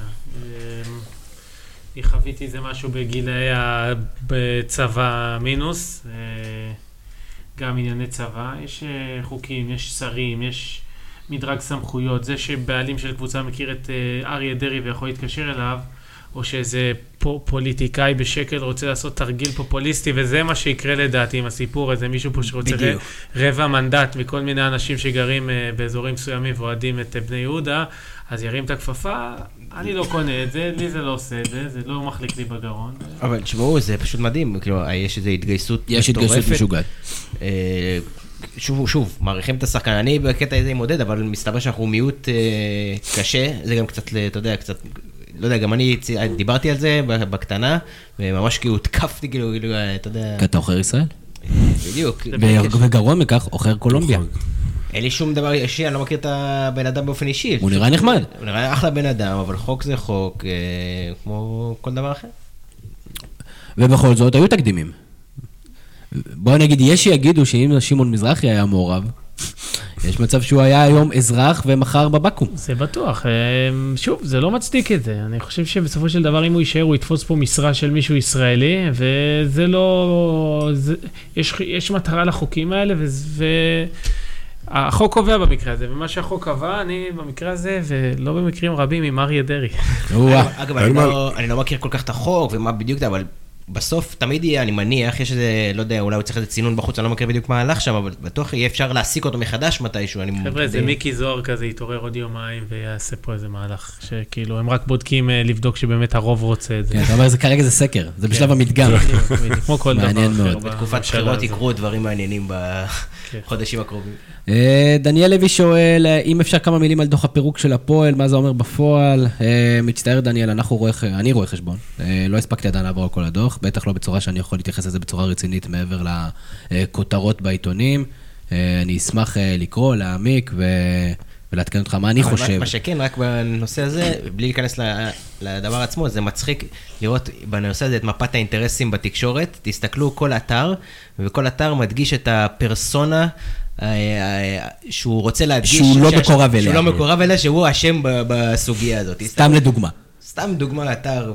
אתר אחד, אתר אחד. סתם אתר אחד, כן, תסתכלו את מי הוא מדגיש ואת מי לא, ואתרים אחרים את מי הם מדגישים ואת מי לא. אנחנו לא מדגישים את אף אחד, אה, פשוט כי אנחנו לא מכירים אף אחד, כי הלוואי, אם היינו מקורבים לכולם, אז אולי, אבל אנחנו לא מכירים אף אחד. אגב, אם אחד המקורבים רוצה... אם רוצה, אתם יכולים לבוא לפה וללכלך על אחרים, אה, שמענו שזה מביא רייטינג. רון פדר שואל עודד, אה, אתה יודע מה, ברק, שון וייסמן versus אה, מוחמד עוואד.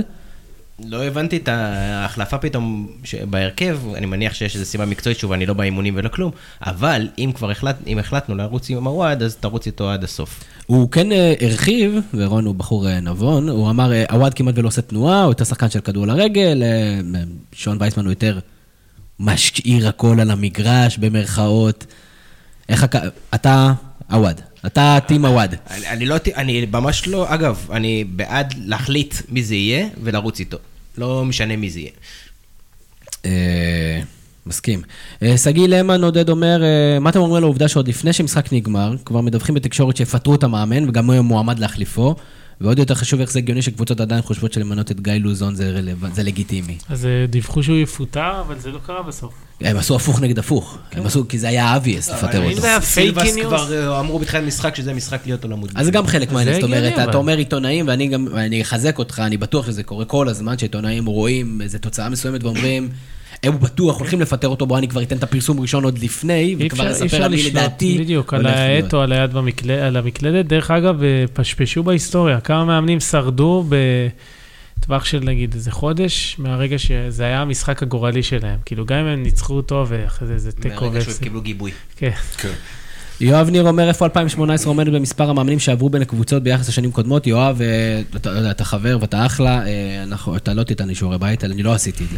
לא עשיתי את שיעורי הבית. אה, בוא, בוא אני אגיד לך משהו שלא תוכל לבדוק אותי, לדעתי יותר גרוע מאשר שנים קודמות, תבדוק אותי ותחזור אליי, ואז יהיה לנו את התשובה גם כן. משה חפץ שואל איזה שחקן בליגת העל הייתם מעבירים מקבוצה לקבוצה. מי, מי יכול לעשות את המעבר של להחיות את הקריירה שלו בינואר? מי- מישהו נותן לי חנן ממן? תנו לי את חנן ממן. אני אומר פררה וסכנין להפועל תל אביב, זה יכול להיות טוב. למרות שהוא כבר לא ילד פררה. בסדר, עדיין זה משהו שיכול להתאים כמו כפפה ליד. אלברמן עדיין שחקן כדורגל? אה, תשמע, בחוזה של ה-300 אלף דולר, לפי מקורות זרים שיש לו, אין שום סיבה להחליף את אה, תפקידו ליד אה, אלעד רמי גרשון ביציע של מכבי חיפה. יש לי רגשות מעורבים לגבי אה, שחקן אחד אה, עם שם מוכר, ערן לוי. אה, באופן, באופן אישי. שם מאוד גנרי, אתה יודע, אני לא מבין את הדברים האלה. כאילו, יודע. קודם כל לוי זה שם משפחה, אבל כאילו, ערן, כמה חוסר ייחודיות. שמעת איך כינו אותי ב... איך כינה אותי דסקל. ערן לוי הרזה. כן, הגרמני הרזה. אז מצד אחד אני כן רוצה לראות אותו, אני, אני, אני פשוט אוהב את השחקן, הוא איזשהו אנטיתזה לכל הכדורגל, והוא בכל זאת מצליח אה, בגיל 33 להוות אה, מוקד, אה, גם תקשורתי מאוד רציני. מצד שני, כשערן לוי מצליח, זה אומר שאני יורד בדירוג בגוגל. אז צריך לחשוב מה יותר טוב. דרך אגב, חזרה שלו למכבי נתניה, לדעתי לא בטוח תעשה אה, טוב למכבי נתניה. אני לא בטוח, הם כבר התאחדו כאיזו יחידה לוחמת כזאת, עושים אחלה תוצאות לפחות, לא בטוח. אני כן יכול לחשוב על אה, הפועל חיפה כאלה, אה, קבוצות שיכולות בהחלט ל- לאח- ל- להשתמש בו יותר טוב מאשר בית"ר ירושלים. נעבור לאלמנט הסיום שלנו, ואנחנו התחלנו בפרקים האחרונות להמר על משחקי ליגת העל, והחלטנו שבגלל שהיחידים שלא מתחלפים זה ברק ואני, זה יהיה ראש בראש אה, בין ה... בין ה... אה, נוכחים בפודקאסט. למרות שהבסתי את ברק בפעם הקודמת, אה, אנחנו ניתן את זה בתור אה, מה שנקרא strike 1, ואנחנו נלך על ה- על הרעיונות. האמת שיכולנו לבדוק גם כן את התוצאות של עודד, שלדעתי גם מתרסק, גם לא, מתרסק חברים, לדעתי. תבדקו אותי, אני- אם אני לא טועה, מה- אני נתתי כולם בראש. שבעה משחקים. שבעה משחקים. אנחנו נבדוק, אנחנו נשים את זה, אנחנו נשים את זה 50% בזה, אנחנו נבדוק את זה, בדקו. ונשים את זה מתחת. רגע, מילה, אחת, ליגה לאומית, כן. שלושה משחקים מפרידים מהמקום הראשון לשביעי, ומהמקום השמיני ל-14.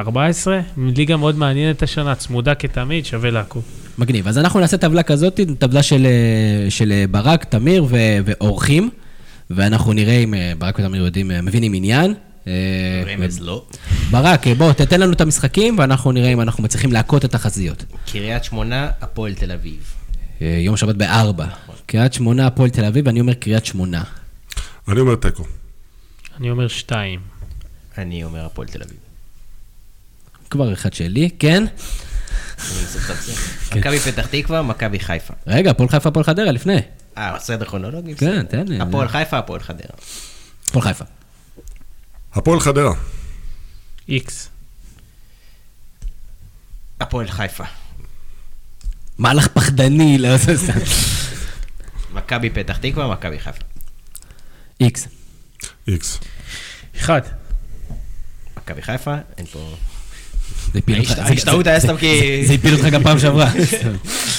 בני סכנין, ביתר ירושלים, תמיד משחק כיפי. איקס. אני הולך על בית"ר ירושלים. איקס.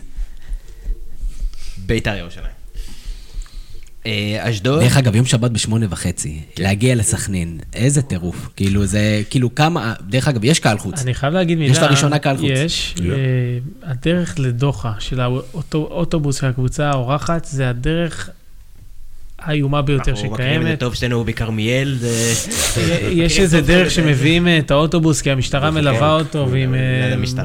אה. יש שם איזה עליות, ירידות. זה כאילו גם יוצר את ההייפ הזה של אתה במלחמה. כן, עד דקה 30 אתה עדיין עם הבחילה, אחרי זה זה מתחיל לעבוד. דרך אגב, הצעת ייעול, שיעשו את זה עם טיולית, ואז נראה איך זה אפשר יהיה לעבוד עם זה.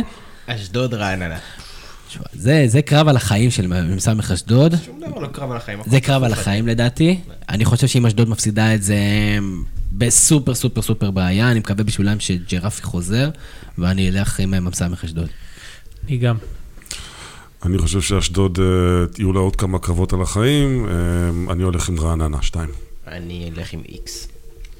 בני יהודה, הפועל באר שבע. אחלה משחק קודם כל. יום ראשון שמונה וחצי. עכשיו שאני חושב על זה, יש מצב שאני אלך למשחק הזה. אה, אני הולך על תיקו, אני הייתי רוצה מאוד להיות במשחק הזה. אבל אתה תהיה כבר על במקום מטוס. זה אני אהיה בגרמניה, בפגרה. אז אני אצפה באינטרנט ואני אקווה לניצחון של אה, בני יהודה. איקס. הפועל באר שבע. שימו לב אבל, אין רוב לפועל באר שבע במשחק חוץ נגד בני יהודה, אותי זה די מדהים. מכבי תל אביב, מכבי נתניה. דרך אגב, מכבי נתניה, כן, משחק בית של כולם. אה, תשמע, קשה להמר נגד מכבי תל אביב. אני כן חושב שהמשחק שהיה הכי קשה למכבי תל אביב בסיבוב הראשון, חוץ מאולי תוצאות התיקו שלהם, היה נגד מכבי נתניה, משחק שמכבי תל גירדה שם אה, 2-1. נתניה בפורמה טובה. אה, זה בגלל שזה משחק בית שמכבי תל אביב על אחד. אני אומר נתניה. אני הולך על מכבי תל אביב, אין פה שום אופציה אחרת עבורי. אני הולך על איקס. אני הייתי שם במשחק בית, אז אה, זה קצת, האווירה היא קצת שונה, ו... כן. למרות שהרציונל שלי היה אמור לגדר את עצמי. כלומר, לשים אחד, ככה אם מכבי תל אביב תנצח, יהיה לי כן. סיבה טיפה לשמוח, ואם את איקס, אז... היחס לא לטובתך, כאילו, בגלל שזה אחד, אחד, אחד, כאילו, אתה לא תקבל אה, נקודות זכות יותר מדי על זה שצ- שצדקת. במיוחד, כאילו, עודד, שהלך פה על התאבדות רבתי. אה, בסדר, אז בהצלחה למנחשים, אני רוצה להתחיל להיפרד. אני רוצה להגיד שנייה, לפני אה, שאנחנו נפרדים, אני רוצה שנייה להגיד, כאילו, אל תדאג, אתה יכול להישאר פה. התחלנו את הפרק עם שישה כדורי שוקולד על השולחן, וסיימנו אותו עם שישה כדורי שוקולד על השולחן. משמע היינו מרותקים. כן, וציפוי קוקוס, לא נגענו. חומר למחשבה. נשאר משהו אחרי השידור. ככה אנחנו מפתים את האורחים שלנו. אה, עודד גביש, כרגיל תענוג גדול. אה, תמיד היה. אינסייטים אה, מהדשא. באמת, כיף. ערן לוי, אתה יודע, אחרי שכתבת כמה טורים לאתר, ואחרי שאנחנו מתכתבים, כל פעם שאתה נמצא בארץ, ואפילו פעם אחת ישבנו איזה שעתיים על קפה בגבעתיים, נכון. כדי לדבר על כדורגל, דבר מוזר שקורה לי רק מאז שהקמנו את האתר.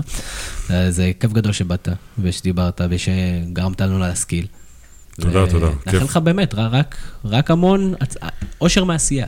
כיף לי להתארח פה, כיף גדול לשבת איתכם כאן ולדבר. תודה רבה על הכל, נתראה בשמחות. כיף ענק. ברק קורן, תודה רבה על אה, ההקמה, סדר ההפקה, אה, כל הדברים האמיתיים. אה, איתך אני כן אתראה בוודאות בפרק 102. אתם יכולים להאזין לפודקאסט בכל אחת מהאפליקציות. אה, תספרו לחברים שלכם שיש פודקאסט טוב שאתם שומעים. אנחנו מתים על התגובות שלכם ועל השאלות הגולשים. אתם מי שנותן לנו את הכוח. ואם היינו, הייתי יודע לפני 101 פרקים, שזה מה שהולך לקרות, אז כנראה שהייתי מבקש אה, בחוזה שלי אה, משהו יותר ברמה של הטאלנט. וברק כיפף לי את היד ואמר לי, תבוא בחינם, אז באתי. זהו, אני הייתי תמיר זוארץ שלכם. המשך הערב, נהדר. יש לי פודקאסט, מה זה פודקאסט? זה כמו חדשות. יש לי פודקאסט, מה זה פודקאסט? זה כמו חדשות.